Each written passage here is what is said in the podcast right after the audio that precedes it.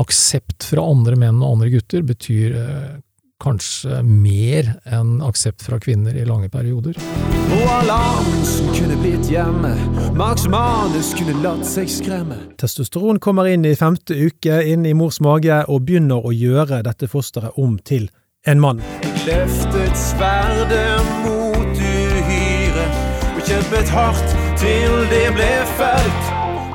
Implisitt i tiggerstien er at det, det blir ikke egentlig noe særlig trøkk. Det blir en slags eh, begging. Det blir noe prøvende, Ja, det blir noe istedenfor noe overbevisende og kraftfullt. Det blir noe prøvende, og det, det tror jeg de aller fleste kvinner liksom egentlig ikke syns er så veldig stilig.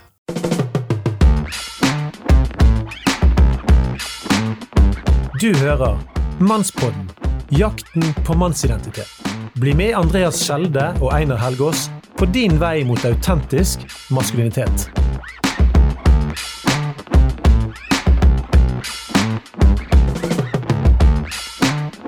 Da er vi tilbake igjen her med Mannspodden. Dette er altså Einar Helgaas. Eh, Andreas Skjelde er fortsatt ikke med meg her i Oslo, der jeg har en eh, serie sammen med Dag Furuholmen, som presenterte seg i forrige episode. Han er altså lege, har spesialisert seg innenfor psykiatri, er en mannsforkjemper som nyter stor respekt, og som eh, Det ble tydelig for meg i forrige episode at han er en farsfigur for mange menn, og det trengs i vår tid. Og da vil jeg begynne å varme oss opp i, i, i, i en ny episode, Dag, med følgende spørsmål. Jeg har nemlig en følelse av at en del tenker at temaet mannsidentitet er et ganske smalt tema. Men er det det? Et smalt tema. Ja, altså nisjepreget tema, ikke et sånt stort hovedtema. Det, det, er, det er interessant. Jeg sitter og føler meg som et spørsmålstegn. Hva i all verden kan du mene med det at det er et smalt tema, liksom? Ja, men Altså, halve, halve menneskeheten er menn. Nettopp. Ja, og, og, og liksom uh, identiteten til halve menneskeheten kan neppe være et smalt tema. Det, for det første så er det helt sikkert et voldsomt variert tema. Uh, det spiller sannsynligvis voldsomt stor rolle for, uh, for samfunn, for helse, for produksjon, for trivsel, for samliv, for barn, for alt. Tror jeg. Men da kan jeg betrygge deg med at jeg er helt enig. Fint. Det er Sånn at du begynte, begynte å lure om jeg skulle gå. Ja, men jeg, jeg har nemlig fått en feeling i møte med Altså, jeg har jo holdt på med dette her temaet i 15-20 år sjøl, og av og til får jeg en feeling av at folk syns at ja, men altså, skal vi bruke noe voldsomt med tid på det? Altså, det må jo være andre temaer som er viktigere. Men jeg er enig i det som du sier, altså hvilken, hvilket menneske på denne jorden må, eh, kan la være å forholde seg til en mann på en essensiell måte? Nei, det går ikke. Og, og dermed så har du, eh, uten at du eh, visste det, satt to streker under eh, behovet for Mannspodden, jakten på mannsidentitet. Så takk for den, takk for den. Veldig bra. Men du, jeg har lyst til at vi skal begynne litt videre med, med dette med kjønnsforskjeller. Vi var litt inne på det sist. Du nevnte at testosteron kommer inn i femte uke inn i mors mage og begynner å gjøre dette fosteret om til en mann. Um, eh, og, og, og det som skjer der, du, du nevnte noen ting, men, men hva, hva gjør det med en manns liv at testosteron er så sentralt og, og, former mannen? Altså, eh, saken er jo den at eh, testosteron har ekstremt store eh, fysiologiske virkninger. Ja. Eh, det ser man også hvis et, hvis et mannlig foster, altså med et XY-kromosom, eh, ikke produserer testosteron, så blir det født som jente. Ja. Eh, Det er ingenting som tyder på at det skulle vært en gutt. Nei. Så hele altså kjønnsorgan, eh, muskulatur, eh, hud, eh, svettekjerter, alle disse tingene hos gutter er annerledes utviklet enn hos jenter. For eksempel en, en gutt på 18 år har dobbel muskelmasse av en jente på 18 år. Nettopp. Og, og du kan si at eh, det er jo slik da at eh, i, eh, altså i, i Først så kommer det et nytt sjov, da, kan, kan du si, med testosteron i, sånn spedbarnspuberteten. Uh, og det preparerer jo gutter da på en måte på en uh, Primer dem på en spesiell måte. De er, blir da veldig opptatt av å konkurrere, løpe fortest, kaste lengst, sikte på blink. eh, de, eh, I sin lek så skaper de veldig ofte hierarkier. Eh, og, og, og de kan være ganske voldsomme hvis ikke de får god veiledning av voksne menn. Helst. Eh, og så er det jo sånn at, som jeg nevnte sist også, at det kan jo hende at dette er en slags biologisk utvelgelse, fordi stammen, opprinnelige, stammen skulle jo liksom skape krigere. Krigere må kunne krige sammen og samarbeide. De må kunne skape et hierarki med hvem som er sjefen, og hvem som, er liksom, uh, hvem som hører på sjefen, osv. Så, videre, og så, så, så på en måte så kan du si at gutter eksperimenterer nesten med uh, krigerånden, på en måte. Ja, jeg skjønner. Ja. Så det, det og, og, gutter er mye Altså, de er flinkere på, på uh, rommelighet, uh, flinkere til å sikte på ting. De er mer opptatt av uh, funksjon til ja, biler og så vidt jeg husker. jeg husker kona mi. Har du ikke en sønn som du, fikk en dukke? Jeg har tre sønner, og, og, og den, den, nest eldste, han det, det, var da riktig på den tiden. Da skulle de ha dukker, de også, ikke sant? Han er senere blitt designer og ingeniør, og er, var allerede da veldig opptatt av hva, hvordan ting så ut inni. Og Det er også litt guttete. Ja. Så han pelte alle klærne han, og ble rasende når han ikke fikk av den siste buksa, liksom. Så da måtte vi ta av den også. Han skreik 'ta Tana, Tana'. ta han ta han av'. Så så han veldig interessert på, på, denne leken som han hadde fått, og så satte han på gulvet, og så sa han brum, brum, brum, brum. Brukte den som bil. Men dere ble brukt som bil? Ja. Og da sa eh, min eh, fru at eh, ok, jeg skjønner hva du mener. Ok, så da var vi ferdig med den kampen? Da er vi ferdig med den diskusjonen. Du fikk litt hjelp, kan du si? Jeg fikk litt hjelp, ja. Nei, så, så de velger også forskjellige leker. Det er veldig tydelig.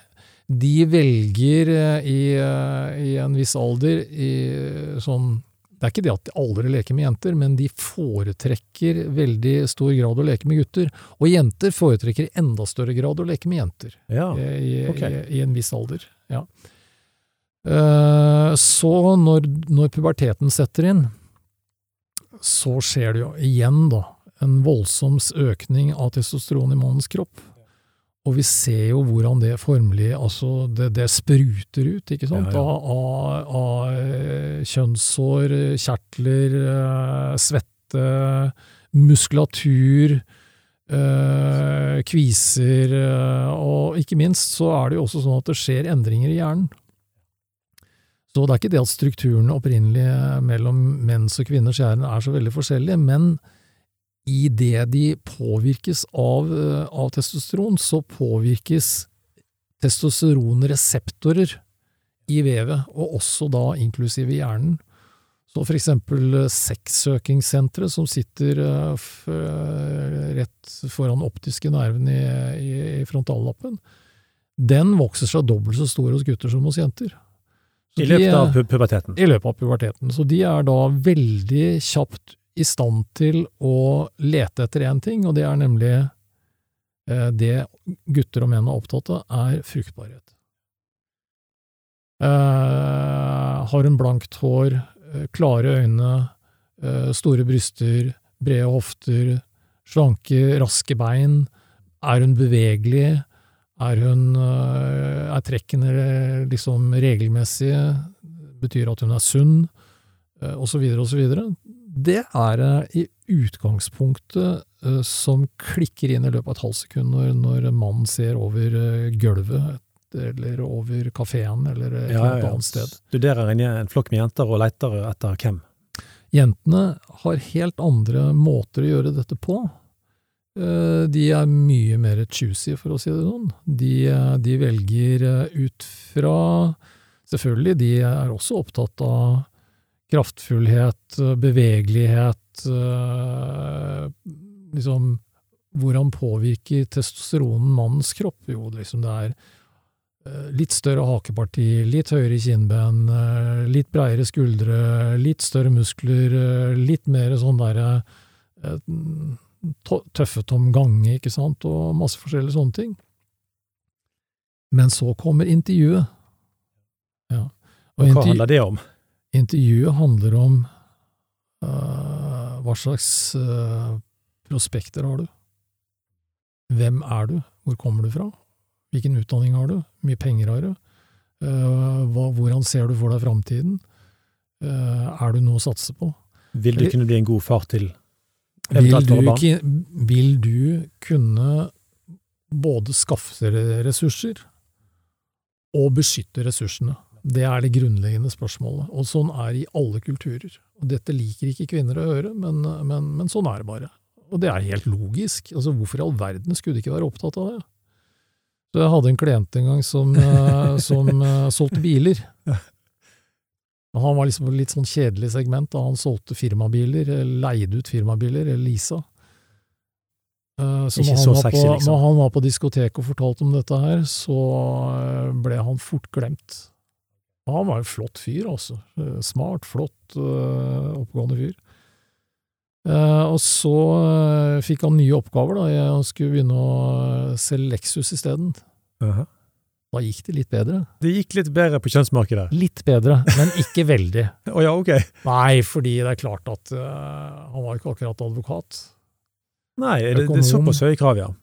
Ja, det veldig Dette Ja, for kvinner vil jo gjerne velge en som har høyere utdanning enn seg sjøl. Ja, om, om de klarer å forklare det godt i en samtale som dette, vet jeg ikke. Men, men det er jo Det viser, viser Men de siler menn. De siler menn, ja. Ja. Og det var, Jeg vet ikke om du så denne filmen, øh, det er en ny serie som har begynt på, på, på TV, fra en dansk serie, som handler om menn som ikke får, øh, får til familielivet osv. osv. Husker du navnet? Nei, nå husker jeg søren ikke det. Eh, Det går bra. Men i hvert fall så, i hvert fall så, så øh, viste det seg det at øh, jo lavere utdanning, jo større sjanse for at de var aleine. Og det er jo sånn at øh, 25% omtrent, altså fjerdedelen av alle menn, får ikke barn. Men i den gruppen, lavutdanningsgruppen, så var de helt oppe i 35% Men hvis vi ser på genetikk, hva har uh, genetikk å si? Altså, og, og hvordan kobler du sammen disse? Det, altså, jeg har jo altså hørt fra en biolog at uh, vi er en hormonfabrikk. Altså, Absolutt. hvilken type hår du har, alle sånne ting. Det, er proteiner. Altså, du er mer ekspert enn meg. Hvordan henger disse tingene sammen når vi blir, blir skapt som mann og kvinne, da? Nei, altså det er, jo, det er jo halvparten av mors og halvparten av fars gener. Uh, og så er det litt, litt tilfeldig hvilke, hvilke det er som blir dominante, og, og hvilke som ikke blir dominante, og som bestemmer hårfarge, øyenfarge, en del sånne ting. Og så er man litt, litt av farstrekk og litt av morstrekk, og litt av farskropp og litt av morskropp, og litt av fars, skal vi si, um, egenskaper, altså 50% omtrent av personligheten, regner vi med er arvet. De resterende 50 er sannsynligvis eh, i stor grad utviklet gjennom tilfeldigheter, gjennom familien vi vokser opp i, gjennom nummer i søskenflokken, gjennom eh, skolen, gjennom vi, hvordan vi utdanner oss, gjennom påvirkning av venner, osv. Rett og slett miljø. Miljø. sant? 50-50. Cirka 50-50. Spennende modell. Den høres troverdig ut, syns jeg. Ja, også en av de fremste spesialistene på, på eh, personlighet i Norge, Sven Torgersen, psykolog. Han har forska masse på dette med tvillingstudier og sånn, og han er veldig klar på det. Det er, det er veldig spennende studier. Definitivt. Men eh, alfahann Altså, Jordan Peterson, eh, jeg driver og forsker litt på han. Eh, Det er det mange som gjør. Um, eh, er det noe med at, eh, at en mann bør prøve å bli alfahann? Nå stiller jeg det litt sånn rett ut der. Bør prøve å bli Alfahann. Eller er det bare noen som er det? Gjennom denne 50-50-koblingen av sånn som du var når du ble født, og miljøpåvirkning. Eh? For, for mitt inntrykk er Ja, det er, et, det er et stort spørsmål å svare på. For det første så er det sånn at uh, mens testosteronproduksjon er også avhengig av omgivelsene. Ja. Sånn at øh, når menn får barn, for eksempel, øh, og steller med barn, pleie barn, kose med barn, så vil de hormon, altså testosteronproduksjonen deres gå ned med ca. 30% Ja, riktig. Så, øh, så seksualdriften og alt går ofte ned i, i det første året, og det er jo kanskje like greit. Ja, hvorfor ikke? Ja. Eh, menn som eh, vinner konkurranser, Får mer testosteron av det. det øker testosteronet i det de liksom eh, er i den der flyten og den vinnerspiriten. Eh, De som taper, de produserer mindre. Ja. Det kan bli en sirkel. Og så har du selvfølgelig sånn at eh, dette, dette er jo også veldig genetisk. Altså noen menn eh, har, eh, har en større testosteronproduksjon eller hormonproduksjon eh, genetisk. Eh, og kanskje blir de fortere modne, kanskje blir de liksom sterkere, kanskje Men, men så er det jo det, da, at liksom den eh, hormonproduksjonen og den, skal vi si, eh, kraften som ligger i, i det, da, den, den må jo også på en måte um, Jeg vet ikke om jeg skal bruke begrepet temmes, men du vet at hvis du Kan det forvaltes? Forvaltes er bra.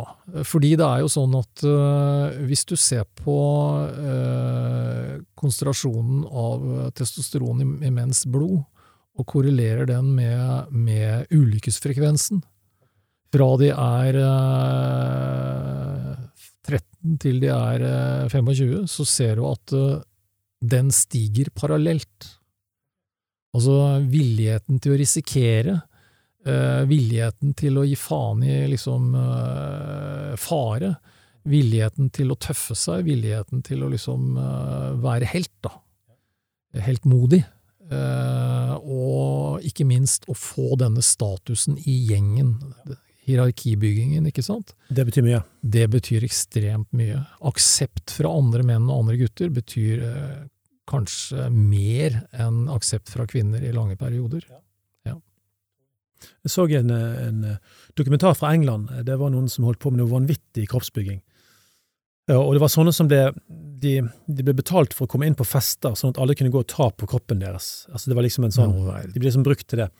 Og, og en av de som gjorde dette, han var helt klar på at uh, det var viktigere for han å få respons fra andre menn på at han så bra ut, enn de kvinnene som gikk og klatra rundt på, på kroppen hans på fest. Faktisk. Nå er det jo litt sånn at når, når menn er liksom havna der, så er vi jo på liksom sånn kroppsdysmorfi, ikke sant? Altså det er litt, litt det samme som når, når anorektiske mennesker ser seg i speilet, eh, så ser de jo ikke det samme som det du ser. Eh, De ser eh, liksom om det er et, en millimeter eh, endring eh, på hoftene. eh, Og det samme gjelder jo også disse gutta. Eh, Det er en eh, For en del av det, i hvert fall, så er jo det en sykdom på linje med anoreksi. Men du, det er et begrep eh, jeg tenker på, nemlig androgyn. Jeg har forstått det sånn at androgyne menn klarer seg bedre enn de som gjerne er mer sånn utpregede klassiske med mange klassiske mannlige trekk, da. Er det noe du har sett på? Den androgyne som har mer av både det feminine og det mannlige, og, og kanskje kan Jeg har ikke noe spesiell eh, tro på det. Altså, jeg tror det at eh, altså hvis, du, hvis, du, hvis, man skal, hvis man skal se på hva det er som får folk til å klare seg i livet, så er det jo først og fremst intelligens. Og når jeg snakker om intelligens, så snakker jeg ikke bare om eh, liksom matematisk eh, intelligens, men vi har språklig intelligens, vi har romintelligens, vi har altså, eh, en som heter Gardner, som har beskrevet ni forskjellige former for intelligens. Eh, og det er klart at eh, jo mer ressurser man har av den type Kall det essensielle ressurser da, som man har med seg i, i gave i, i, når man kommer ut i våga, Ja. eh, jo større sjanser er det for at man finner et eller annet man får til, og et eller annet man klarer. Androgynitet er jo, skal vi si, mye mer, sånn sett mye mer akseptert i dag enn før. Eh, Sånn at menn som har et mer androgynt, det er jo også til og med en, en viss motesak, ikke sant? Så eh, det er sikkert ikke noe problem for menn å være androgyne, eller i hvert fall et mye mindre problem i dag enn det var tidligere, og så er det litt avhengig av Hvis du vokser opp i eh, Irak, for eksempel, så er det sikkert ikke så veldig god idé. Nei, ja. Nei da, kultur Men, har ja, mye så det handler mye om kultur og aksept. Men, eh, men eh, at de skulle klare seg noe sånn grunnleggende sett bedre enn en enn- enn andre menn, det, jeg har ikke noe særlig tro på det. Nei. Nei. Skjønner. Men du, i forhold til maskulinitet, er det mer du har å si om hva det er for noe? For jeg har et veldig gøy begrep som du kanskje har funnet på, som jeg har lyst til å nevne hvis ikke du har mer å si om på en måte det helt grunnleggende her. Hva er maskulinitet? Nei, eh, vi har jo altså det å begynne å gå langt inn i dette med, med Det finnes jo andre hormoner, eh, altså vasopressin eh, Det, det finnes en del andre sånne ting, men da kan man Kan du si kort hva de, kort hva de eventuelt betyr? Det handler egentlig om utholdenhet, da. Og utholdenhet er jo også noe kvinner eh, verdsetter hos menn, og som arbeidsgivere verdsetter hos menn, og som eh, idrettsfolk trenger for å liksom ha det trøkket hvor de bare holder ut og holder ut og holder ut. Så, så eh, Men da kan man gå og se på Det er en, en bok av en eh, amerikansk eh, lege, en kvinne som heter Luann Brisden. Eh, Hun har skrevet en bok som heter The Male Brain. Hvis man er veldig interessert i disse tingene, så kan man heller lese der. Ikke sant? Ja.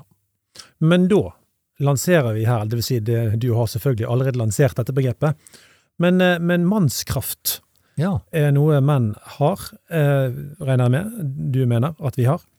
Eh, hva er dette, og, og, og hvordan skal vi forvalte det, hvordan skal vi bruke dette? Mannskraft består av to store elementer. Ja. Og det er to store, skal vi si, energikomponenter i, eh, i oss eh, menn. Eh, Og det ene er seksualkraft. Og det andre er aggresjonskraft. Og når jeg sier aggresjonskraft, så begynner folk selvfølgelig å rynke på nesa, for det, det, det høres jo veldig feil ut. Men aggresjonskraft kan man egentlig kalle for overlevelseskraft. Så når, når man eh, ser på en eh, nyfødt unge som ligger ved mors bryst, og som begynner å skrike av sine lungers fulle kraft og bli helt mørke røde i hele trynet, eller hele kroppen gjerne, Ja. det er livskraft eller overlevelseskraft. Og det handler egentlig om aggresjon, dypest sett. Og, og den kraften er, eh, den er ekstremt viktig at vi ikke undertrykker. Vi trenger den kraften, den overlevelseskraften, var det som har liksom brakt oss som species, på en måte, til å klare å overleve under, under vanskelige, vanskelige forhold. Så, så, øh, og den handler egentlig om, øh, om Du var opptatt av mot. Ja, den handler om mot. Den handler om, øh, om øh, å søke etter måter å overleve på. Den handler om kreativitet. Den handler om, øh, om selvrepresentasjon. Den handler om å sette grenser. Den handler om å forsvare seg hvis man må. Og den handler om å være forbanna hvis man må. Men, men det er bare en bitte liten del av det. Så du kan si det at de som har denne kraften godt integrert, det er viktig å si. Dette er en kraft som, øh, som øh, gutter strever med å integrere, øh, og få til å bli til et voksent og konstruktivt uttrykk. Og hvis man ikke har en far eller en mann som kan hjelpe med å, å, å vise hvordan det skal gjøres på en god måte, så kan man lett eh, la seg fange opp av for eksempel gjenger og eh, drittsekker, holdt jeg på å si, som vil lede deg helt på feil spor. Og se for eksempel i USA, hvor 80 av, gutta vokser opp eh, uten, uten fedre, hvor stort dette Sa du 80% 80 i, Det er jo svimlende høyt. Ja, det er helt svimlende. Hva i Så er dette et veldig stort problem. Altså, hvordan skal jeg bruke denne kraften på en konstruktiv måte? Og da går det litt i hytt og pine med denne kraften mannskraften som sprutter ja. i en ungdomskropp og Ja. så. Ja, ja, så da skal de liksom eh, de, skal, de skal fortrinnsvis eh, på en måte eh, imponere de andre gutta. Og så kommer de andre gutta og skal imponere ved å stille sterkere krav, opptakskrav til bander hvor de skal skyte folk osv. Så, videre, og så, videre. så det er, jo, det er jo helt forferdelig. Ja, Det er jo galskap. Men altså, denne mannskraften må kalibreres, på en Den måte. må kalibreres, den må, og det er noe av jobben med å bli en voksen mann. Og det samme er det med seksualkraften, ikke sant? som jo er den mest utskamma kraften vi har. Eh, og veldig mange menn har jo en eller annen, fått en eller annen slags oppfatning om at deres egen seksualkraft er noe skittent og møkkete, i mye større grad enn kvinner. Men kvinner har jo også det problemet, men, men mer for menn. Eh, ikke minst fordi de har på en måte ofte forstått gjennom samspillet mellom mor og far hjemme at eh, fars tilnærminger til mor blir avvist som uønsket. Ja. Og, og eh, så mange gutter går rundt med, eller, eller unge menn da, går rundt med en slags eh, oppfatning av at deres egen seksualitet handler bare om at det er de som skal De er, blir en slags tiggere som skal, skal, liksom eh, prøve å få noe fra jentene. De skjønner ikke det at jentene også vil ha det, deres seksualitet, deres lidenskap, deres trøkk, deres øh, Altså at for en kvinne, det å bli, bli Vel å merke når det er ønsket.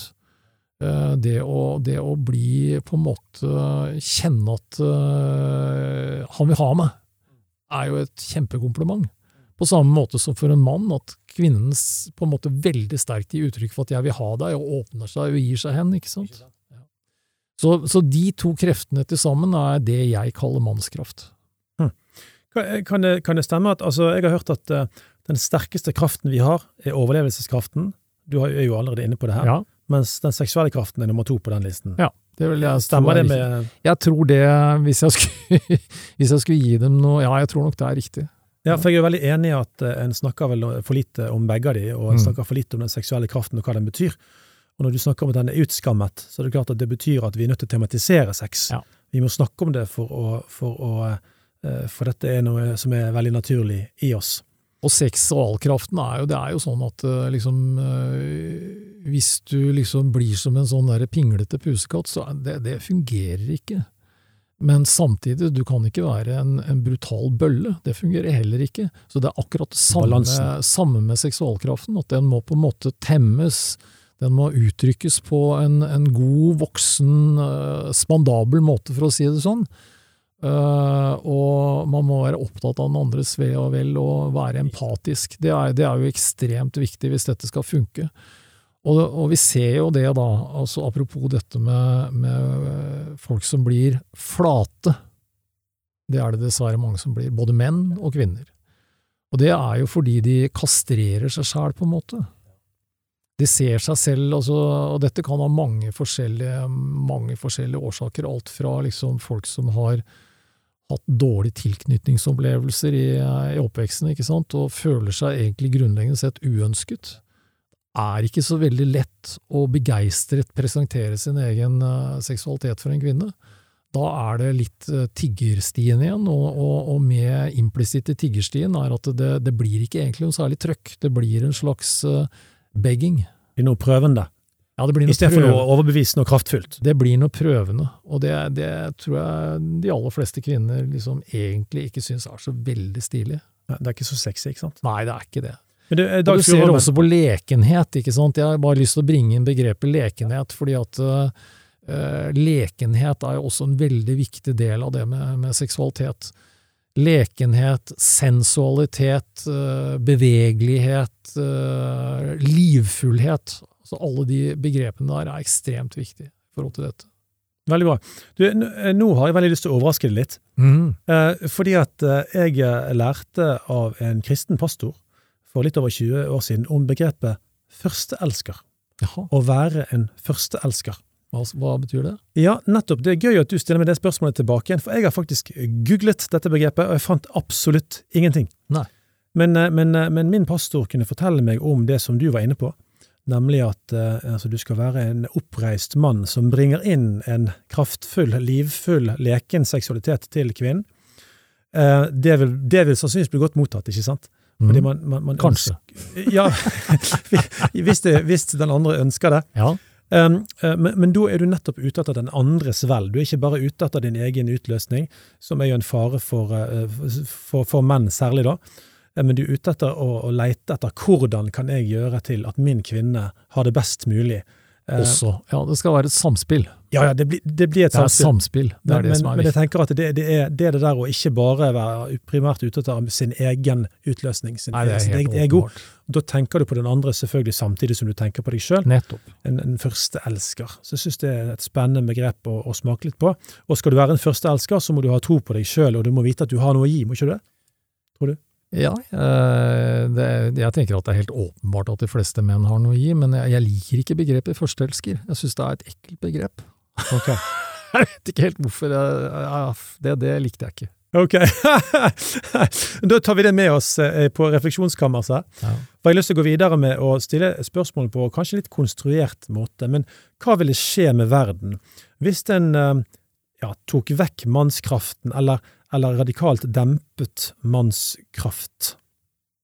Jo, nå, nå skal jeg først si deg hvorfor jeg ikke likte begrepet førsteelsker. Ja. Fordi det skaper igjen en eller annen slags eh, litt sånn ekkelt hierarki. Ja, det er et eller annet som om Fordi det, noe, noe av det problemet de fleste øh, av oss har i vår tid, er at vi går rundt med øh, tjukkere og tjukkere sosiale masker, ikke sant? Vi får en hel haug sosiale masker hjemme fordi vi liksom skal klare å overleve best mulig der, og så får vi enda flere på skolen, og så får vi enda flere i venneflokken, og så får vi enda mange flere når vi skal sjekke damer. Og så hvis det da står en pastor på toppen der og sier at du skal være, du må bli førsteelsker, nei, tusen takk, altså. Det er mer enn nok sosiale frakker. Egentlig, så du, kan, du spurte meg om disse kursene som jeg dreiv Ja, ja. uh, forrige gang. Og, og du kan si at uh, en av våre sånn uh, faste sayings, det var det at vi driver ikke egentlig med selvutvikling, vi driver egentlig med avvikling. Å ja, såpass. Vi pakker ut folk, Ja. så de blir mer slik de er autentiske grunnleggende sett med sine essensielle kvaliteter. Det er det som er poenget. Og det å fjerne en del av disse maskene er ekstremt viktig for mange, fordi de blir pakka så tett inn at de mister både trøkket og energien sin. Jeg skjønner. Jeg vil presisere én ting, siden du hadde noe du ville presisere. Ja. Eh, Og det er at eh, det jeg tror han mener, er, er at det handler om å være en god elsker. Eh, Ikke et hierarki, men at du er en god elsker som går Mm. inn med din, eh, din gode seksuelle mannskraft, da, Ja. og gir den til kvinnen, og så blir det et samspill fram og tilbake. Det er, det er utmerket. så jeg, jeg, jeg tror begrepet hadde noe, hadde noe litt sånn komplisert, eh, komplisert med seg. ja, det er det med første, vet du. Det er den, Ja, det var det, det var det du grep tak i. Det, det, det, det la jeg merke til. Alfahann-stemning, så det holdt, ja, ikke sant? Litt, litt sånn.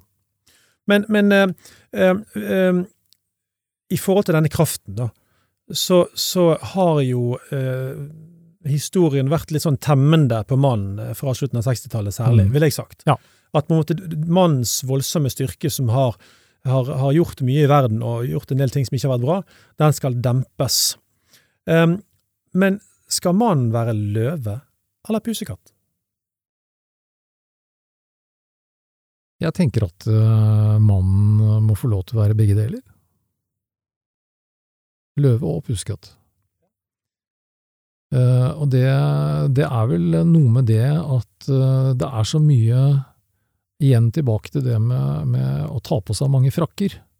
Det er utrolig mange meninger og oppfatninger av hva det er å være mann, og ikke minst å være mann nok.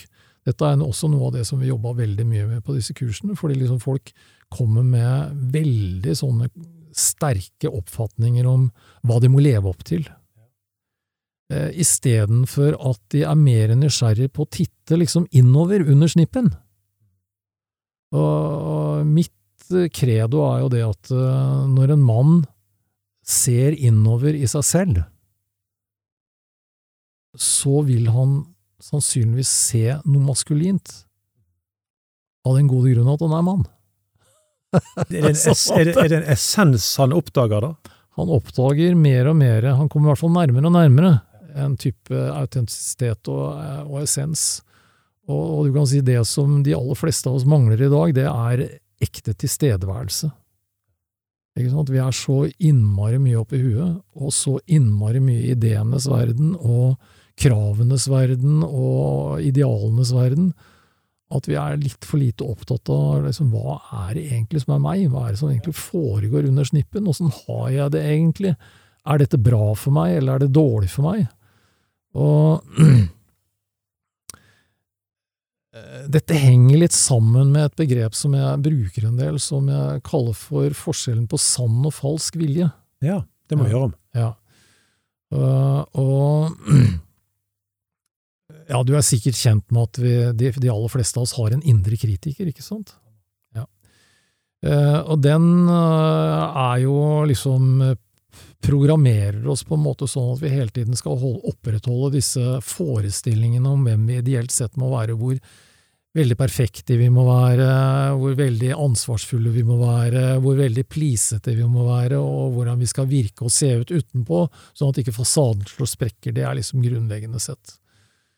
Um, og problemet er jo bare det at veldig mange av våre idealer drives av denne kritikeren, og kritikeren bruker to uh, måter. Det ene er pisk, og det andre gulrot. Ja. Pisken, den kommer og treffer deg med en gang du liksom eh, syns at du kommer kort i forhold til liksom disse idealene og væremåtene som du, kravene som du enten har til deg sjøl, eller som tror, går rundt og tror at andre har.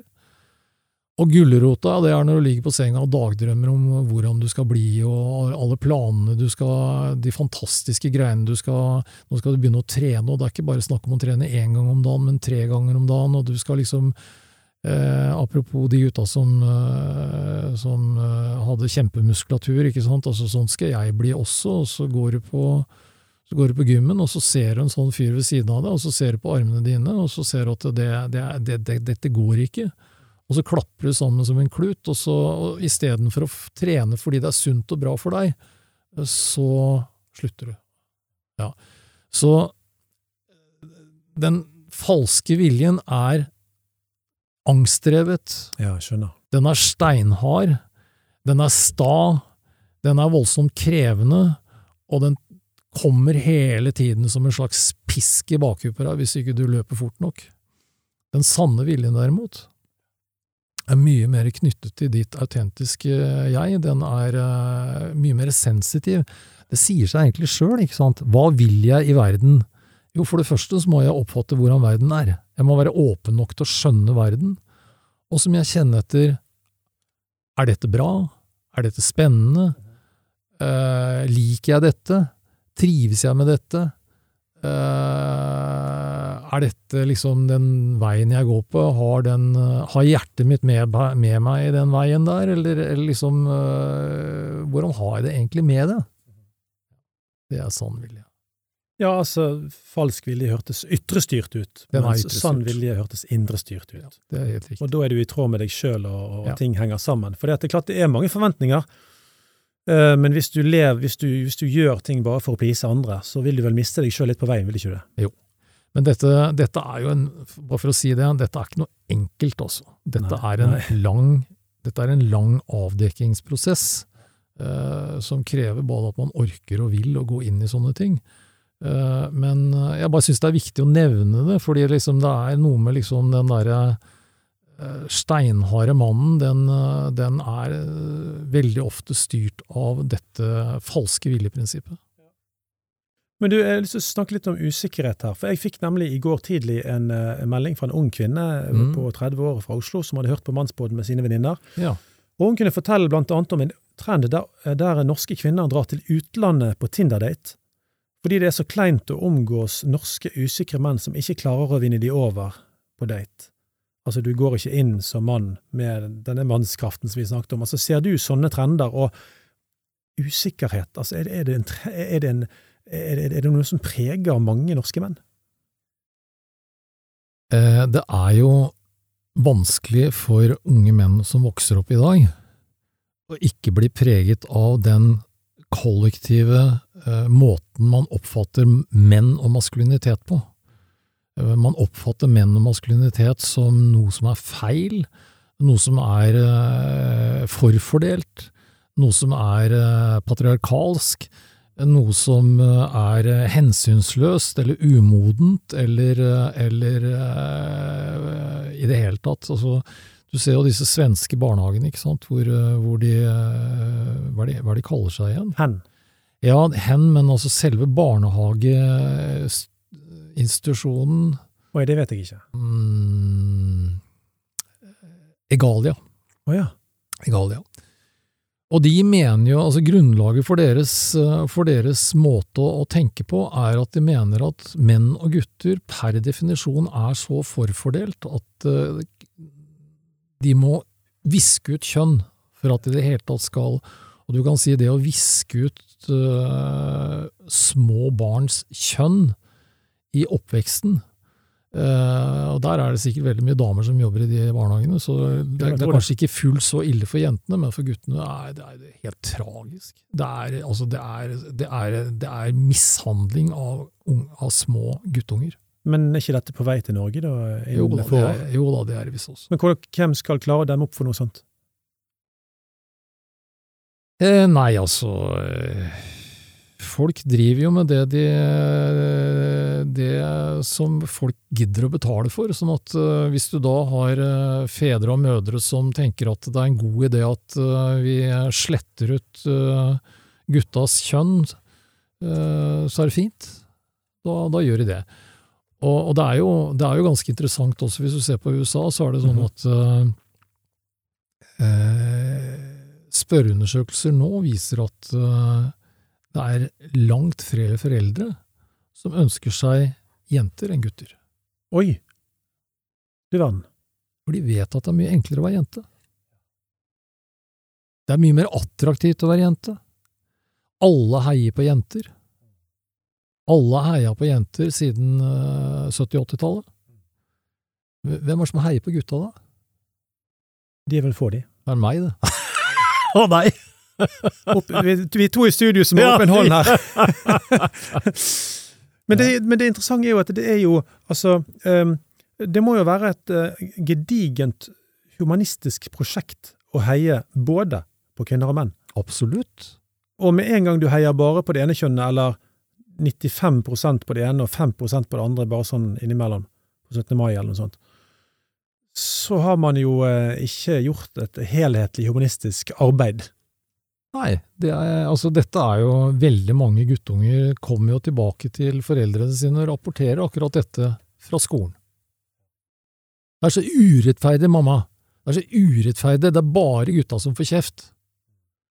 Det er ganske rart, fordi, fordi altså jenter i sånn 13–14-årsalderen de kan jo være et helvete på, på jul, altså. De, de, er, de, er, så intrigante og frekke og fulle av hormoner og greier, at de, fordi de blir jo mye fortere modne enn gutta, ikke sant.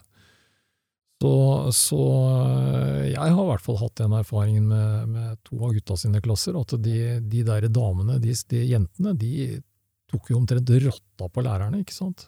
Gutta satt der som uh, Langbein og Donald Duck, ikke sant, med store øyne og så på og skjønte ingenting av hva som foregikk. Dette manipulative spillet her, det, det går over hodet. Det skjønte ingenting.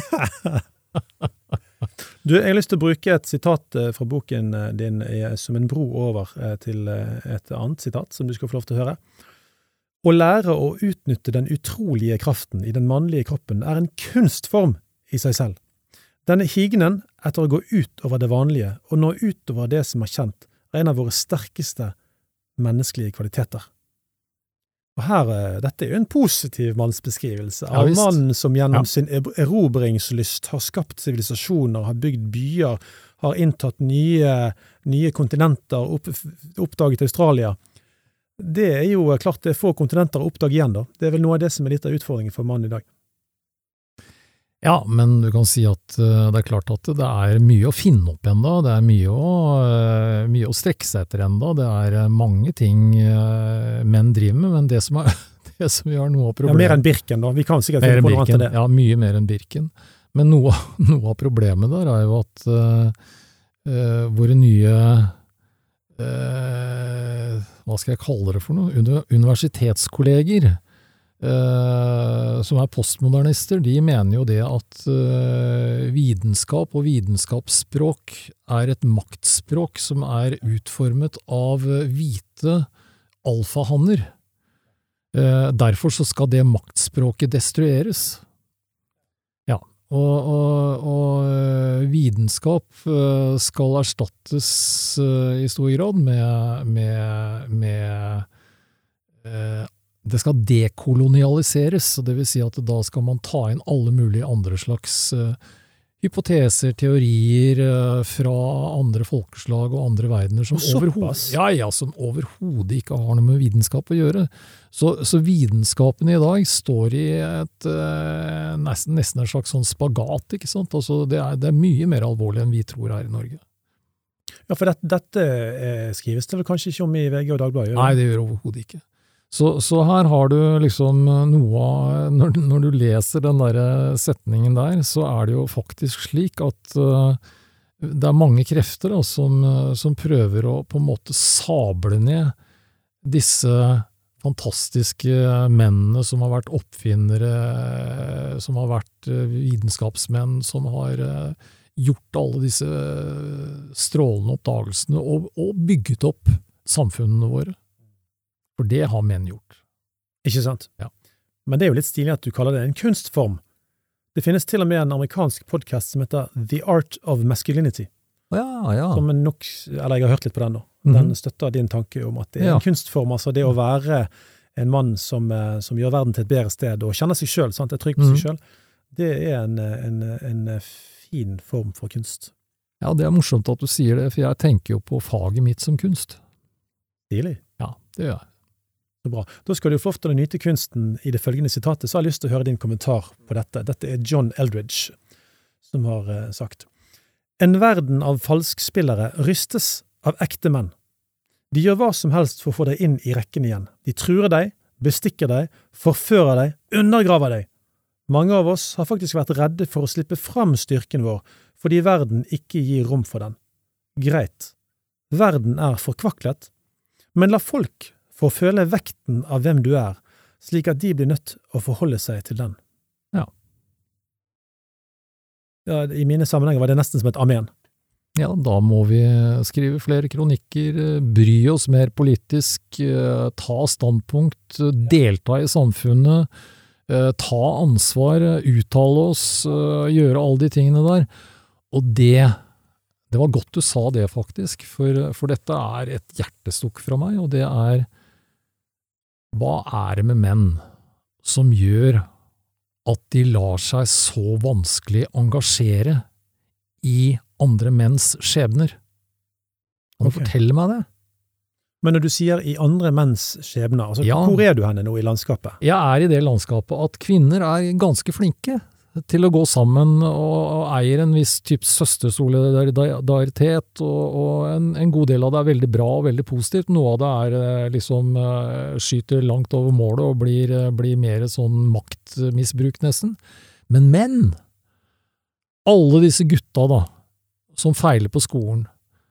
Disse, disse gutta som aldri kommer seg på universitet og får ikke noe utdanning Eh, som jeg sa, bare, bare 35% av alle som på, ut, utdanner seg på universitetene for tiden, er menn. Det er veldig lavt. Uh, hva med alle de gutta som, uh, som tar selvmord? Jeg har prøvd å få, få liksom kjønnsforskerinstitusjoner og sånn til å, å forske på hva er det som skjer når fedre mister kontakten med barna sine, fordi at vi har hatt flere i Mannsforum som har tatt livet sitt på grunn av det. Uh, og, og, til og med Institutt for, uh, for uh, selvmordsforskning på Universitetet i Oslo, de, sa det at det er jo et veldig spennende felt, men det har vi ikke penger til, eller det har vi ikke liksom anledning til. Men, men altså, det går jo Dette er jo, tenker jeg, et svært tema. Det er masse menn som tar livet sitt på grunn av disse tingene. Og, og hvis man er ute etter å forebygge selvmord hos menn, så burde man bry seg om og bry seg med dette.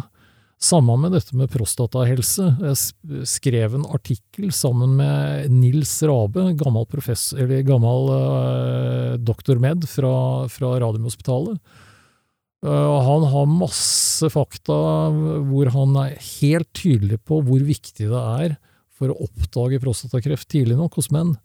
Uh, at det blir innført en screening, og at det blir systematisert osv. osv. For sånn som det er nå, så er det helt tilfeldig.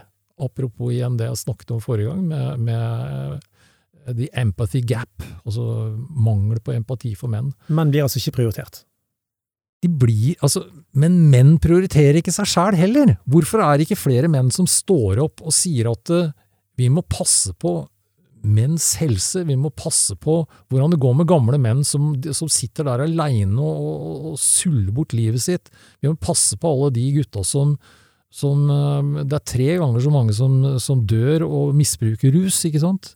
Uh, det er 95% av alle som sitter i fengsel, er menn. Så, så, liksom, hvorfor er det så få menn som gidder å engasjere seg i menn med ved og meld? Det, det, det, undrer meg litt også. Altså, Kunstneren Bjarne Melgaard, jeg vet ikke om du vet hvem han var? Eh, jo, jo. Han flyttet til Danmark fordi norske menn var så redd for å fornærme norske kvinner. Var så redd for å, å være et skikkelig mannfolk og ha litt kontakt med litt vikingblod. Ja, altså nå tenker jeg at det er jo ikke noe, noe, noe, noe liksom mål i seg selv å fornærme norske kvinner, da. Det, det, det syns jeg overhodet ikke. nei, nei. Men, men, hvis du står frem eh, renhårig og ordentlig, og noen lar seg fornærme av det, altså krenk, krenkomaniet som, uh, som, foregår for tiden, Ikke sant? så må de jo bare liksom uh, vær så god føle seg krenket. Det, det må være helt greit. Men, men, men og jeg, jeg tenker ikke at man skal stoppe seg av eh, liksom den type strukturer som etter hvert begynner å bygges opp i, i, landet her, at man liksom skal gå på tærne hele tiden for at uh, man ikke skal utpekes som syndebukk eller krenker.